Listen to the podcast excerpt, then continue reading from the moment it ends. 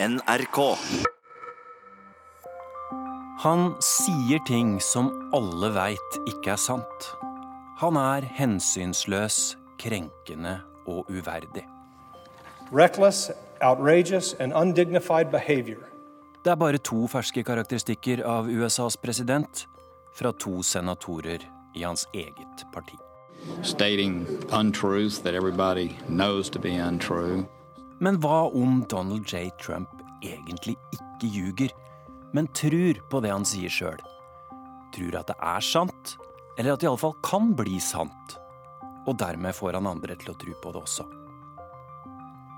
Jeg ble skikkelig nysgjerrig da jeg fant ut at Trump har vokst opp med en sjølhjelpspredikant som sin lokale pastor og familiens prest. En mann som tror på at du kan forme verden med den positive tankens kraft. Hva om presidenten i USA bare er innmari flink til å tenke positivt? Krig og fred. En podkast fra NRK Urix. Have you ever asked God for forgiveness? That's a tough question. Det her er sommeren 2015, og Donald Trump blir spurt om han noen gang har bedt Gud om tilgivelse. En forsamling kristenkonservative ler litt ved tanken.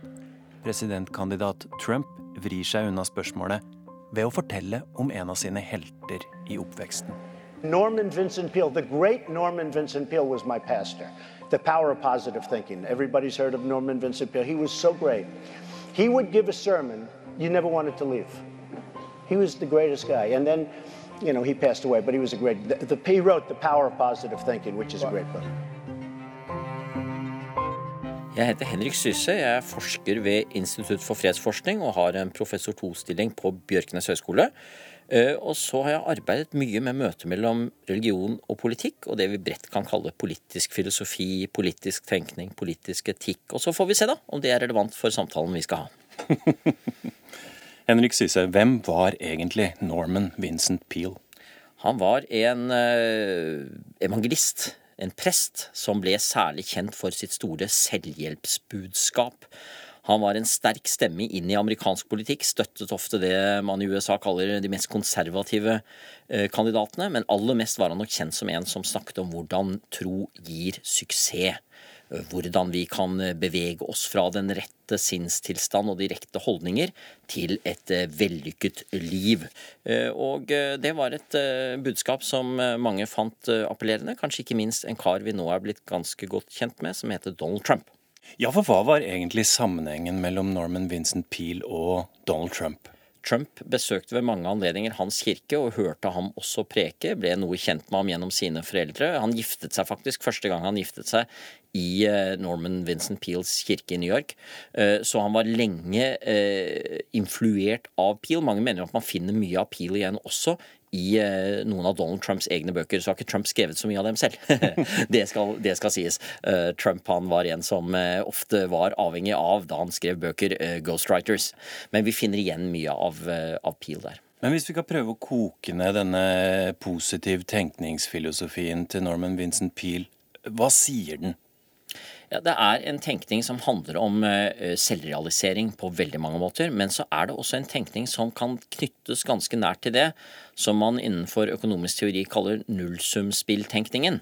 Og det er for så vidt en avledning av Peel, for han mener nok selv som en som eh, eh, bygget i hvert fall sitt budskap på en kristen tankegang, at det er bra å dele og det er bra å løfte andre mennesker frem. Men i praksis så blir det veldig lett en tanke om at jeg vinner og du taper. Altså hvis jeg klarer å få til ting og erobre, hvis jeg klarer å få til eh, store seire, så er det fordi noen andre taper på bekostning av andre. Og Det er jo i hvert fall ofte anklagen mot den type tenkning som Peel sto for, også fra veldig mange teologer, det har jo møtt mye motstand der, er at det blir en bejubling av de vellykkede. Det blir en bejubling av det å skulle rulle over andre og vise hvor mye jeg har lykkes i, i stedet for en mer ydmyk holdning overfor andre mennesker. Men på et sett og vis, da, når du sier positiv tenkning, man skal visualisere seg hva man forsøker å oppnå her i verden, og ved å holde fast på det bildet, så kan man få til de utroligste ting. Det ligner jo rett og slett på den gode, gamle amerikanske drømmen, rett og slett? Ja, og Det er også en av grunnene til at dette har slått an så mye. Han spiller på en del aspekter ved amerikansk kultur som er, som du antyder, erkeamerikanske, og som selvsagt også har mye positivt i seg, i den forstand at det er en opplevelse av at du kan få til noe mer enn der du er nå. Ikke sant? Det er faktisk muligheter, og det er ikke nødvendigvis fordi du er kjemperik i utgangspunktet, men det er fordi du har den rette holdningen, den rette innstillingen. Du visualiserer hvor du vil hen, og så kommer du dit. Det som er problemet med det, og som ikke minst mange teologer er veldig kritiske til, er at det synes å knytte sammen materiell vellykkethet med det å være et godt menneske. Eh, og det er jo ikke minst et ganske tøft budskap overfor den som ikke lykkes den som faller og som må reise seg opp igjen. Her er det snakk om at uh, the proof is in the pudding, som det heter i et uh, britisk uttrykk. At uh, det viser seg i hva du får til, hvor flink du er og hvor god tro du har. Og det har mange kritisert veldig sterkt. Det er helt riktig. Det er noe, noe sterkt amerikansk i det. Og hvis man så den innflytelsen han hadde på 1950-tallet, som var virkelig en slik optimismens tid Vi kan klare ting vi aldri har klart før. Så ser vi at det er ikke så uforståelig hvor den populariteten kom fra. Men det var mange som var kritiske den gangen også. Jeg fant her et herlig sitat fra Adley Stevenson, som jo stilte som president både i 52 og 56, tapte for Eisenhower begge ganger, senere FN-ambassadør under Kennedy. Og da sa Stevenson de berømte ordene hvor han snakket om også hva det var han holdt høyt i en kristen tro. Han sa I find St. Paul appealing and St. Peel appalling. Den er nesten umulig å oversette, men det er noe med at han hadde stor respekt for Paulus. Men uh, Peel hadde han litt større problemer med. Now, what I want to talk to you about tonight is why positive thinkers get positive results. And they do, too, that's for sure.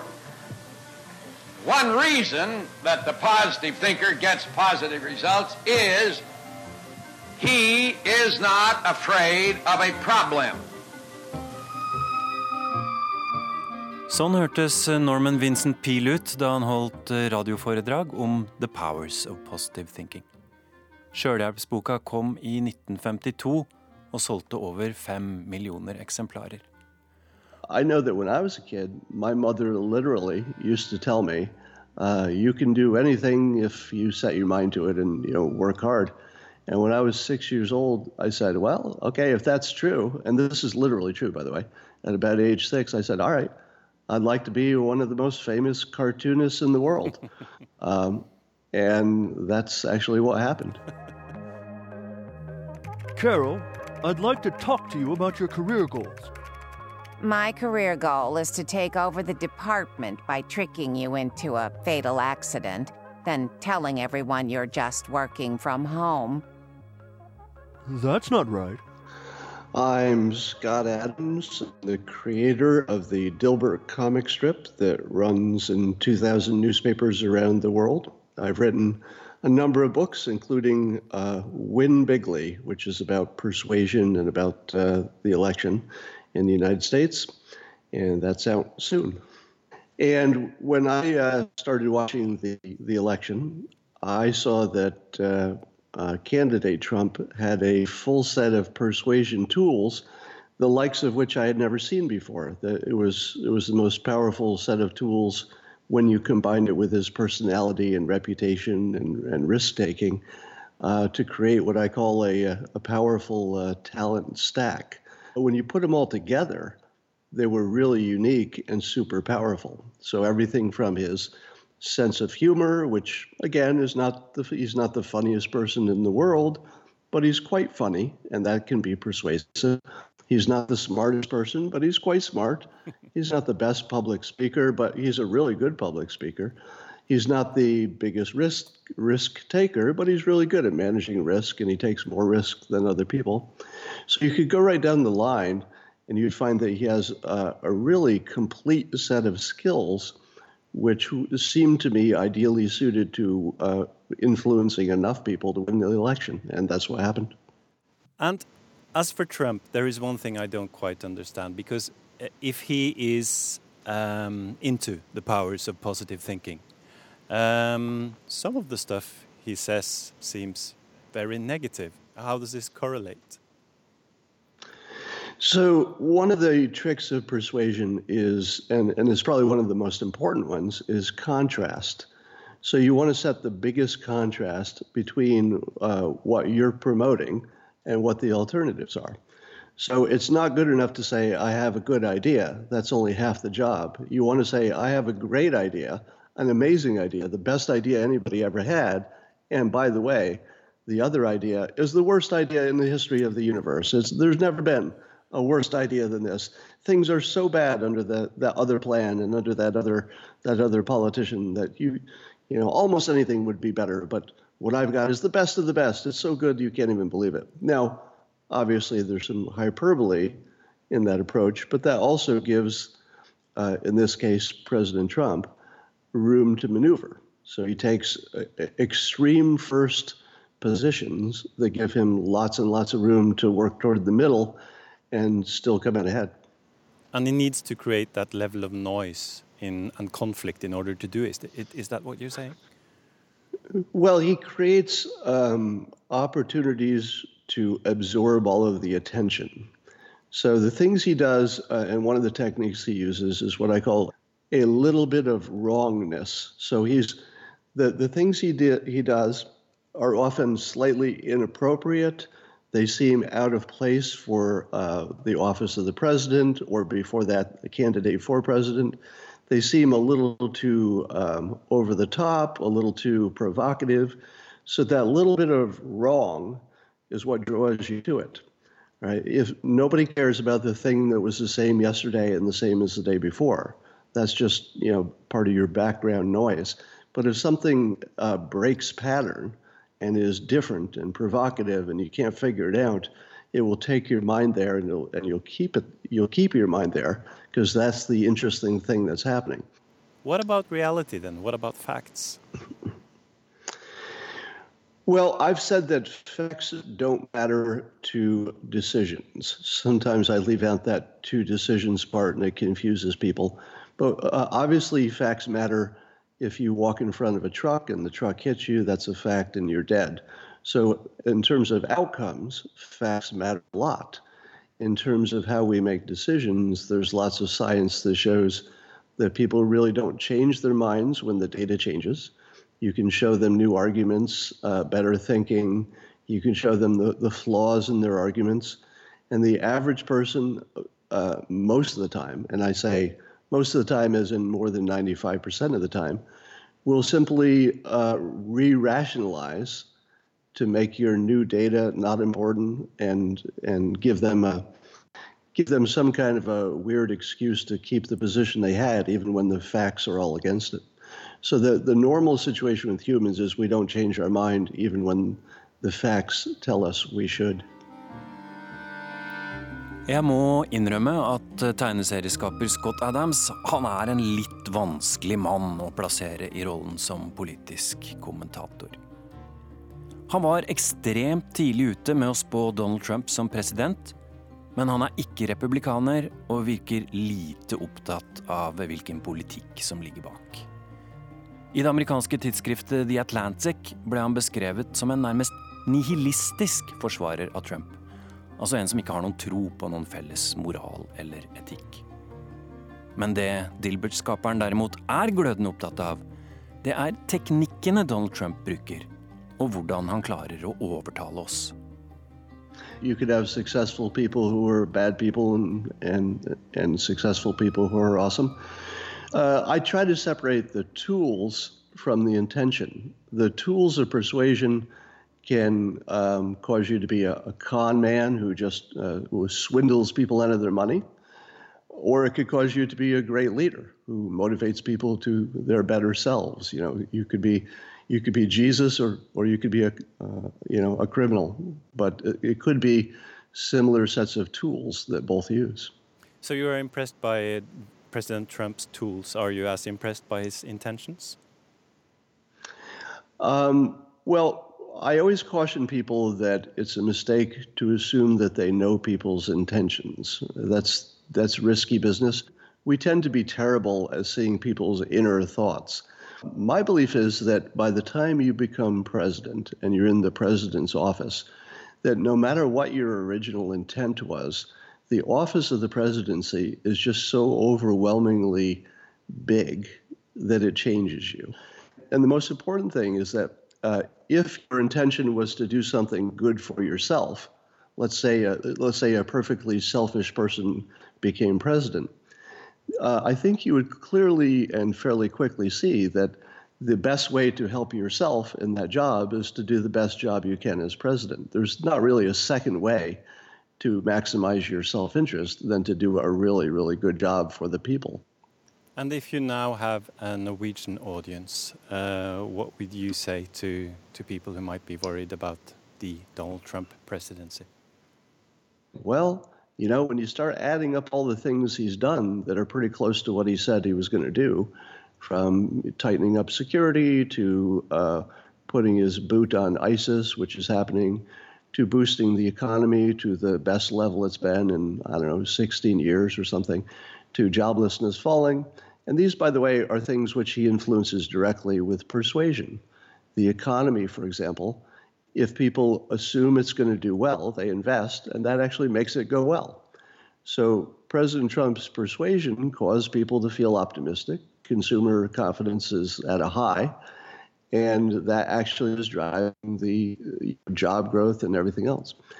Uh, so I think if you look at the big things, the economy, the war on terror, um, and how he has changed the courts with his nominations, those are probably the three biggest things and every one of them is going extraordinarily well. Not not even just okay; they're going extraordinarily well. Uh, and the stuff that people are concerned about typically are, "Hey, I think he's a racist," or "I I, I think he might do something bad in the future." So, in other words, most of the most of his crimes are of the imaginary type, and most of his accomplishments are of the actual type would you say then that he's also sort of collectively moving us to a different mindset? Yeah, I actually predicted early on uh, in the beginning of the campaign that that he would change more than uh, politics. I said he would change how we viewed reality itself, and this is specifically what I was predicting. That what I call the 2D world is where people think that people make decisions based on facts and logic, but then we're confused why half of the world makes a decision that's different than the one we would have made. We're looking at the same facts. And the answer is that we just joined a team and then reinterpreted our world to, to fit it. So once people join a team, confirmation bias takes over, and facts and logic just don't have any, any role.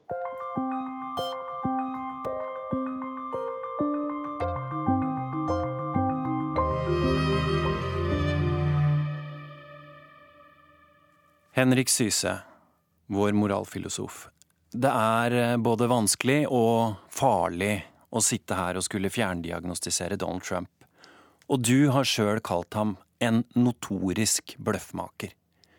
Men kan det tenkes at han tror på det han sier sjøl? Mm. Det er et veldig godt spørsmål. Jeg tror nok at øh, han selv i hvert fall lever etter en filosofi, om vi skal kalle det det, som i mangt hører sammen med Peels tenkning om at det som virker, er sant. Ja. Så han tenker nok slik at ja, men hvis dette argumentet gjorde at jeg vant valget, eller vant en debatt, eller fikk mange mennesker til å klappe, eller i hans fortid som businessmann fikk han til å tjene mye penger, så er det sant.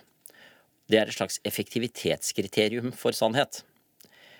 Og det er eh, nok noe som gjør at han tror på det han sier selv. Så kan vi oss stille spørsmål ved en del enkeltutsagn. Det viktigste er, er, ikke om det er sant, men om det funker, på ja, en måte? Ja, rett og slett. Men det er klart at noen ganger så må vi stille oss spørsmålet. Tidligere i år sa faktisk Donald Trump at han mente at presidenten før ham, Barack Obama, hadde stått bak avlytting av Donald Trumps kontorer og Trumps kampanje. Og jeg lurer på, tror han virkelig det? For hvis han tror det, så vil jeg jo si at da er han ganske langt ute å kjøre nesten mot det patologiske. Og du har helt rett i at vi skal være forsiktige med å fjerndiagnostisere, men vi må jo kunne bedømme hva en amerikansk president sier. Han sa det til og med gang på gang, eller i hvert fall per Twitter. Eller er det fordi han tror på noen andre som har sagt det? Der er nok mye hos Trump. Han har noen mennesker som han hører veldig på, og de burde han ikke høre på. Vi vet det er en del mennesker i en del eh, TV- og radiokanaler blant annet, som Donald Trump nærmest tilber. I den grad han tilber noen andre enn seg selv. Og så tror han på det de sier, og så bruker han dem som sannhetsvitne. Ja, men de sa det. Eller sitter han og tenker det er ikke sant, men eh, hvis jeg kan få noen til å tro det, så er jo det fint. Jeg vet ikke. Jeg, jeg, tror ikke noen av oss egentlig vet hva som er svaret på det spørsmålet. Nei, og Du satsa jo på et tidspunkt eh, det du kalte din resterende hårmanke på at uh, Donald Trump aldri kom til å bli president i USA? Så dum kan man være. Og jeg har måttet spise mye humble pie, som det heter på amerikansk, etter det. Fordi jeg trodde, i likhet, skal jeg trøste meg med veldig mange andre, at det å faktisk bli president, det å vinne nok stemmer til det, det krever en større grad av seriøsitet og konsistens over tid den trodde ikke han hadde. Så det er riktig, jeg skrev en artikkel hvor jeg sa det. Jeg pleier nå at jeg sier at jeg, sier at jeg tar det ved naturlig avgang. Jeg er i en familie hvor det blir mindre hår etter hvert. men, men, samtidig så sa du vel også noe sånt som at eh, også Donald Trump må på et eller annet tidspunkt forholde seg til virkeligheten sånn som den er, og ikke sånn som han mener at den burde være. Men jeg spør nå et år seinere, må han det? Nei, det er vel nettopp det han opplever, at ja, men det lykkes jo. Spørsmålet er jo imidlertid hva betyr å lykkes.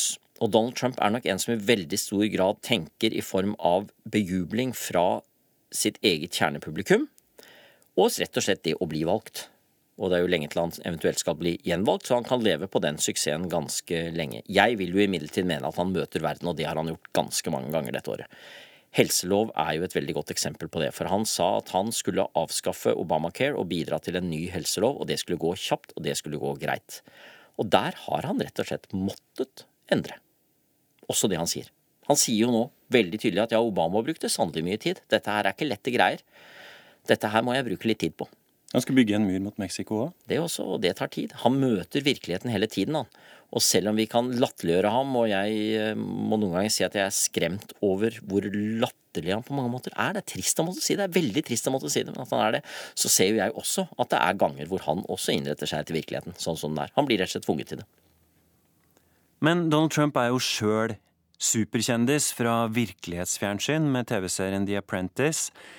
Ligger det en slags erkjennelse her av at grensene mellom det som er virkelig og det som er iscenesatt, er i ferd med å bli viska ut, også i politikken? Mange, både medieforskere og kommentatorer, har jo vært inne på det at eh, skillelinjen mellom hva som er virkelighet og hva som er iscenesatt, blir utydelig i et tilfelle som Trump. Og det har vi jo snakket litt om nettopp. Tror han selv på det han sier, f.eks. når vi kan påvise ganske lett at det ikke er sant. Og det som vi kaller reality-TV, som er en helt spesiell sjanger, hvor man går nettopp inn i virkelige familier og virkelige liv, men så iscenesetter man litt, og så lager man et drama ut av det for at det skal bli spennende på TV, beveger seg jo nettopp i dette rommet her, som også amerikansk eh, sånn professional wrestling gjør. Er det jeg ser på nå iscenesatt? Eller er det faktisk noe som skjer? Er det noe jeg skal engasjere meg i, eller er det noe jeg skal more meg av, eller er det noe jeg skal skremmes av? Og Trump har veldig lenge vært en del av den virkeligheten, er på sett og vis et barn av selv også en produsent av dette. Og nå befinner han seg i Det hvite huset. Jeg sier ikke dette for å høres nedlatende ut. Noen som sier at vi snakker nedlatende om ham. Jeg sier det fordi jeg forsøker å ta ham på alvor. Det er den han er. Og jeg er vel ikke veldig glad for at det er den type virkelighetsoppfatning som eh, nå finnes i Det hvite hus, hvor mye kan tyde på at det er ennå den referanserammen han beveger seg innenfor. Heldigvis har han jo en del voksne, skikkelige mennesker rundt seg som ikke tenker sånn. Ja, Hvordan tror vi det står til inne i det huset der, da? Det er noe av det jeg lurer mest på. Det er en begrunnelse i seg selv for at jeg håper å leve igjen 30-40 år til, er at jeg vil lese en del av biografiene som kommer når disse kan si hva de mener. Når f.eks. en person som general McMaster, som jeg til og med har truffet litt, jeg kjenner folk som kjenner ham, han er et menneske med en ganske høy moralsk standard. Jeg håper han en dag skriver om hvordan dette faktisk var. Men de folkene som sitter der inne nå, sitter der kanskje også med en slags pliktfølelse? da, At det ville vært enda verre hvis ikke de var der? Jeg tror det er en helt riktig beskrivelse. Og det kan jeg på et sett og vis forstå. Så vet vi det finnes en moralsk grense for det også. Vi anklager i ettertid generaler som Adolf Hitler, men vi er jo ikke der. Eh, så vi får nå inderlig håpe at nettopp det er en del mennesker som føler det sterke ansvaret for også å passe på at dette går eh, bedre enn vi kunne frykte. Så som eh, politisk filosof og moralfilosof så setter du din lit nå til folkene rundt Trump i, stedet for til Trump selv? Jeg setter min lit til dem, jeg setter min lit til mange av USAs allierte. Jeg setter mitt lit til et ganske fantastisk politisk system de tross alt har i USA. Som er ganske slitesterkt. Så jeg velger i hovedsak å være optimist. Jeg er glad det er bare fireårsperioder. Og kanskje til og med han må gå før det. Ja, hvor lenge kommer president Trump til å vare, og hvem skal Henrik Syse sette sin lit til på innsida i Det hvite hus i tida som kommer? Jeg heter Tore Moland, og jeg bruker den positive tankens kraft til å forestille meg at i Krig og fred neste uke skal vi ta en titt inn i Det hvite hus, finne ut hvem som er hvem, og hvem som gjør hva der inne. Og om jeg holder fast på det bildet, så kan det jo hende at det blir sant. But have you ever asked God for forgiveness?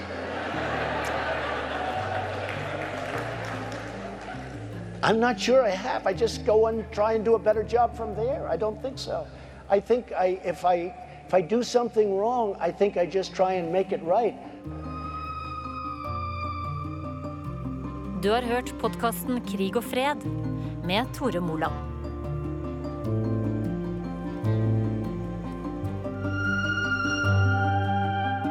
Let's go on and let's make it right.